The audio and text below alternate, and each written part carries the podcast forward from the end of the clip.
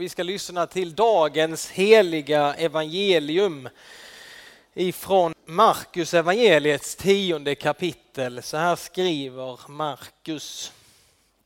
Att lyssna i tro är ju temat.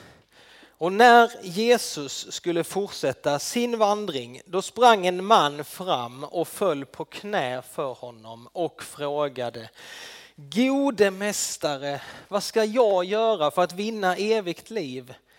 Jesus svarade, varför kallar du mig god? Ingen är god utom Gud. Du kan budorden, du ska inte dräpa, du ska inte begå äktenskapsbrott, du ska inte stjäla, du ska inte vittna falskt, du ska inte ta ifrån någon det som är hans, visa aktning för din far och din mor. Mästare, sade mannen, allt detta har jag hållit sedan jag var ung. Jesus såg på honom med kärlek och sade, ett fattas dig.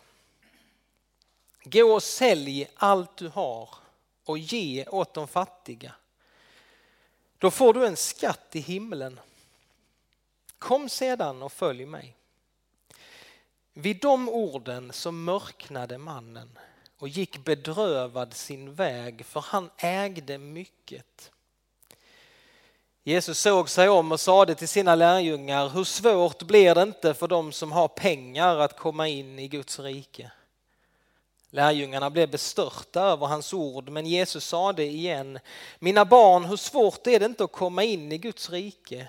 Det är lättare för en kamel att komma igenom ett nålsöga än för en rik att komma in i Guds rike.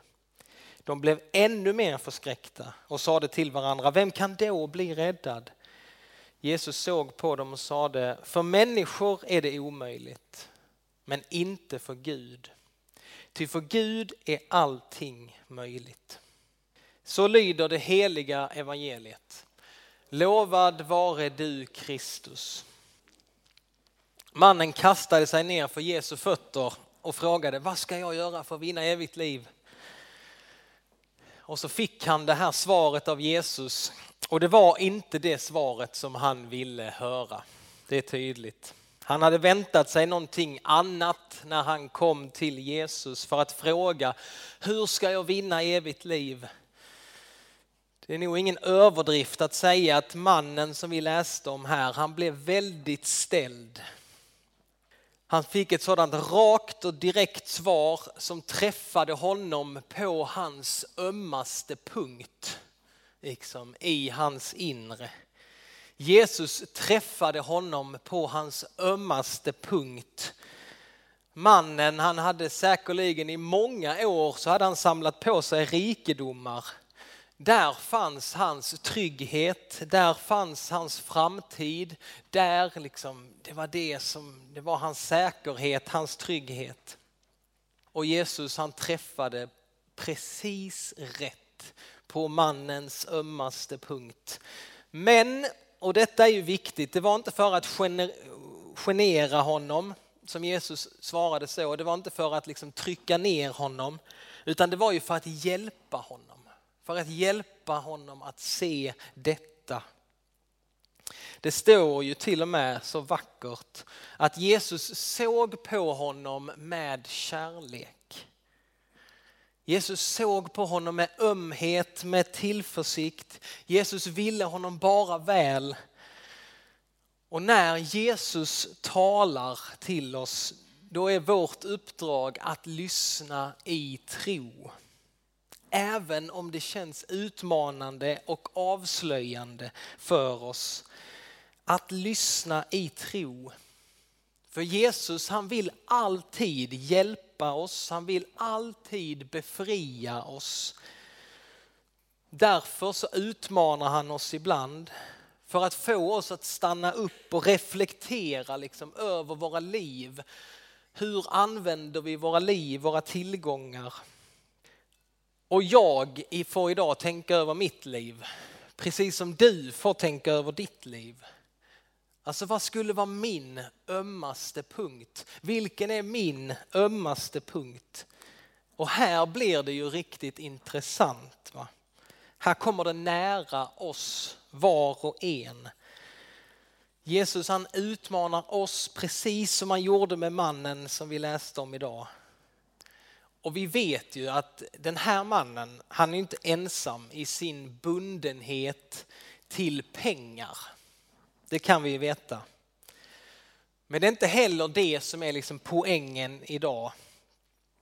Att det handlar om pengar och ägodelar, utan poängen är att det fanns någonting i den här mannens liv som Gud inte fick komma åt. Det var någonting i hans liv som han inte ville att, nej men där Gud, jag släpper inte in dig där. Du får inte tillträde till det. Det där vill jag inte ändra. Det var därför han fick ett sånt rakt svar av Jesus. Och Jesus säger, ett fattas dig. Och just det här tillfället så var det pengarna, ägodelarna. Och du och jag, vi får fundera. Vågar vi släppa liksom tanken? Vågar vi släppa in Jesus överallt? Vågar vi släppa vår säkerhet, vår trygghet? Var har du din säkerhet? Var har du din trygghet? Vågar vi lämna oss helt i Guds händer? Ja, det står att den här mannen, han gick bedrövad därifrån. Men vi vet ju inte slutet på historien om den här mannen. Den här tanken som Jesus liksom planterade i hans hjärta, kanske till slut så fick den konsekvenser i hans liv och han kanske testamenterade en rejäl slant till de fattiga och började sen följa Jesus. Jag hoppas det i alla fall. Men Jesus visste vad den här mannen behövde höra. Jesus visste vad den här mannen behövde göra. Och det är jättemånga olika människor som Jesus möter. Och alla får inte samma svar av Jesus. Det är rätt viktigt att se. Jesus han ser alltid människan, han såg igenom alla olika sorters människor. Han avslöjade dem och alla fick höra vad de behövde höra. Varje människa fick höra vad som fattades just dem. För vi läser om många rika i Nya Testamentet. Sackeus var ju en av dem. Han fick ju behålla halva sin förmögenhet. Jesus visade honom ett sätt hur han kunde förvalta den bättre. Farisen Simon, han fick inte beskedet att han skulle sälja sitt stora hus. Inte heller sa Jesus det till Nikodemus eller från Josef från Arimathea som var en rik man. Det var inget problem för honom att också vara en Jesu lärjunge trots att han var rik. Alltså det finns inte bara ett sätt att följa Jesus på. Det är inte så att nu ska alla sälja allt och följa Jesus. Men Jesus han ser på oss var och en med kärlek. Och så vill han att vi ska överlämna allt i hans händer. Allt vi är och allt vi äger. Att vi ska få ha vår trygghet och vår säkerhet i honom. Och det Jesus är ute efter det är inte våra pengar utan han är ute efter ditt och mitt hjärta. Var har du och jag, var har vi vårt hjärta? Och läser man i Nya Testamentet så talar Jesus väldigt mycket just om pengar och rikedom. Han är väldigt intresserad av detta. Man brukar säga att ett av tio Jesusord i Matteus, Markus och Lukas evangeliet handlar om pengar, förvaltarskap, ägande, ekonomi av olika slag. Han var klart intresserad av de här frågorna som rör vårt förhållande till pengar, vårt förhållande till ägande. Det är det enskilt mest återkommande i Jesu undervisning. Man kan undra varför ägnar han så mycket tid åt det här habegäret som kan fylla oss människor. Jesus han varnar nästan upp till 20 gånger så varnar han för girighet. Denna synd som är girighet. Alltså det finns ingen annan synd som Jesus varnar för så mycket som girigheten. Varför gör Jesus det? Varför fortsätter Paulus göra det också i sina brev? Varför är girigheten en så stor sak och sån viktig synd som Jesus vill belysa? Är det, det är väl ingen synd att vara rik och äga mycket? Nej, det är det inte. Men det handlar om ditt och mitt hjärta. Det är det som är det viktiga. Och vad gör det med ditt hjärta att äga mycket? Jag tror att Jesus han ägnar så mycket tid till, åt girigheten för att det är, han vet att det är väldigt svårt för oss människor att få syn på den här synden. Alltså om man jämför med andra synder så kan man ju se det och man kan märka det väldigt tydligt. Men du kan ju titta runt här lite nu. Du kan börja titta runt här lite på alla fina människor och så ser du om det är någon som har är girig. Kolla, se om du hittar någon som är girig. Ska vi se här. En, två, tre, fyra, fem. Alltså man kan inte se det va? Man kan inte se det på någon annan. Och det är jättesvårt också att få syn på det i mitt eget liv. Detta är en svår synd att få syn på. Är jag girig? Va? Är jag girig? Alltså om vi tar en annan synd, va? så Jesus han är ju tydlig också. Han säger inte det så många gånger, men han vill ju att vi inte, han går igenom budorden här. Man ska inte vara otrogen om man är i ett äktenskap. Men om du har varit otrogen så vet du det. Alltså igår var jag otrogen. Jag vet liksom vilket tillfälle, jag vet sekunden. Och det är inget jag behöver fundera på. Liksom. Har jag stulit? Har jag, har jag varit okrön? Man, man vet det. Men när det gäller girighet, är jag girig? Man kan liksom inte säga ett visst tillfälle eller någon viss situation där du och jag var girig. Utan det, det genomsyrar så mycket. Det är så mycket svårare att få syn på den här synden. Därför lägger Jesus så mycket energi på denna synden. För han vet att vi har så svårt att få syn på vår girighet. Och kanske, eller ja, vår utgångspunkt ska nog vara för alla av oss.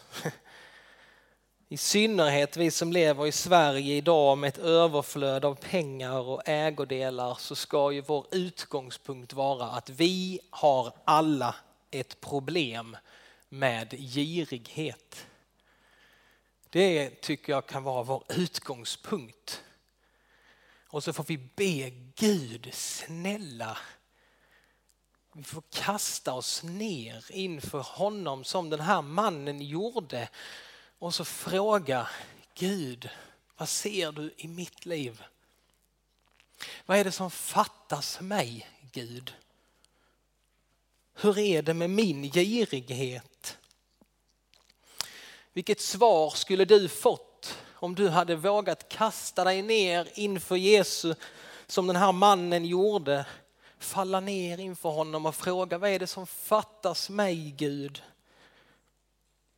Vilka är dina ömma punkter? Vi som vill vara kristna, vi som bekänner vår tro på Jesus, att han ska vara Herre i våra liv. Vilket område i mitt liv är det som du ännu inte har blivit Herre på? Finns det område i ditt och mitt liv som vi vill hålla för oss själva? Finns det synder som vi vill helst fortsätta med och behålla för oss själva? Det är så vi ska läsa den här berättelsen om den här mannen.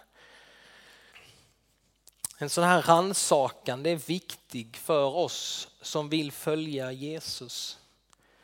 Och vi förstår att Om vi ska bli räddade, om vi ska bli fria från allt det som binder oss, som håller oss bundna, så förstår vi ännu mer nu här idag att vi behöver honom. Jag klarar mig inte utan honom. Utan honom så är jag en hjälplös syndare som sitter fast i så mycket i mig själv och av den här världen att jag bara behöver honom som min, min frälsare. Jag behöver att lyssna i tro och våga höra på det han säger. Våga ta emot när han liksom pekar på min ömma punkt. Och han säger lita på mig. Du kan lita på mig. Låt mig vara din trygghet helt och hållet. Christer Eriksson, du ska få komma fram här. Christer, han, för någon vecka sedan så kom han till mig och så sa han att jag vill, jag kommer inte ihåg vad det sa, om du ville döpa dig. Men det sa jag att det behöver du inte göra Christer, för du är redan döpt en gång.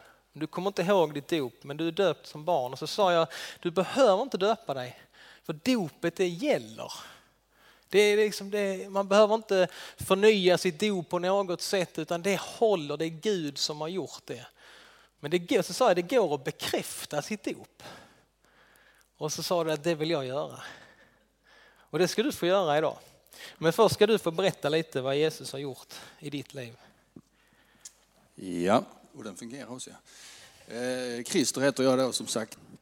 Jo, det kom till mig, eller har kommit till mig under eh, resans gång här efter jag blev frälst att eh, jag vill ta ett eh, helt kliv in i Guds rike. Och det jag tänker är att 1966 så döptes jag några år gammal för att jag döptes inte utav min biologiska mamma utan jag döptes utav mina biologiska föräldrar. Eller förlåt, mina adoptivföräldrar. Så jag var några år gammal och sen så eh, har jag ju förstått nu när jag ser tillbaka att eh, Gud har varit med mig hela tiden. Även i min resa i missbruket under 35 år så har Gud varit med mig hela tiden och varit och stöttat mig och hjälpt mig. Och jag tänker att när jag då för 15 år sedan gick in i nykterheten så sa, sa en terapeut till mig att för att du ska kunna bli nykter så måste du ta ett, ett fullt steg in i nykterheten med bägge benen. Och jag tänker samma sak när det gäller tron. Att nu har jag blivit frälst för några år sedan och, och jag tänker att jag vill ta ett fullt kliv in i Guds rike. Att känna verkligen att jag har Jesus med mig alltid.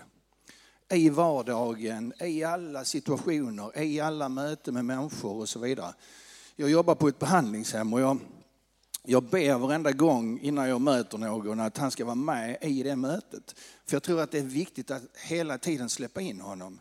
Att inte bara ibland är jag troende och ibland frågar jag Jesus. Utan att han verkligen är med hela tiden. Eh, och till slut så blir det ju det blir en så stark kraft så att jag, jag höll på att säga, jag vågar inte chansa nu att inte be.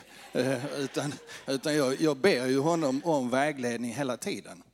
Och det är en sån oerhörd eh, styrka i det. Och jag kan bara känna en tacksamhet varenda kväll när jag lägger mig och bara liksom, tack gode Gud för denna dagen. Liksom. Eh, och ber om en nykter dag på morgonen när jag vaknar. För att jag tänker att jag tror det är viktigt att hela tiden släppa in honom. Och för mig så, så är det verkligen, verkligen en gåva. Och det här då med att, med att eh, förnya dopet eller bekräfta dopet, det, det, är, det, det, är så naturligt för mig nu och jag bara känner att det här vill jag verkligen göra. För nu, nu, nu ska jag verkligen ta bägge fötterna in i Guds rike. Så jag är så oerhört tacksam för, för detta idag. Verkligen. Tack.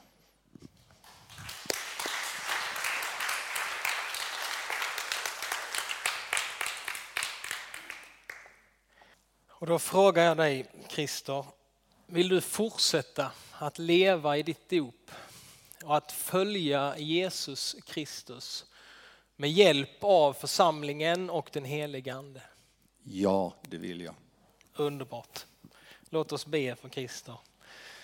Gud, Fyll Krister med din helige ande.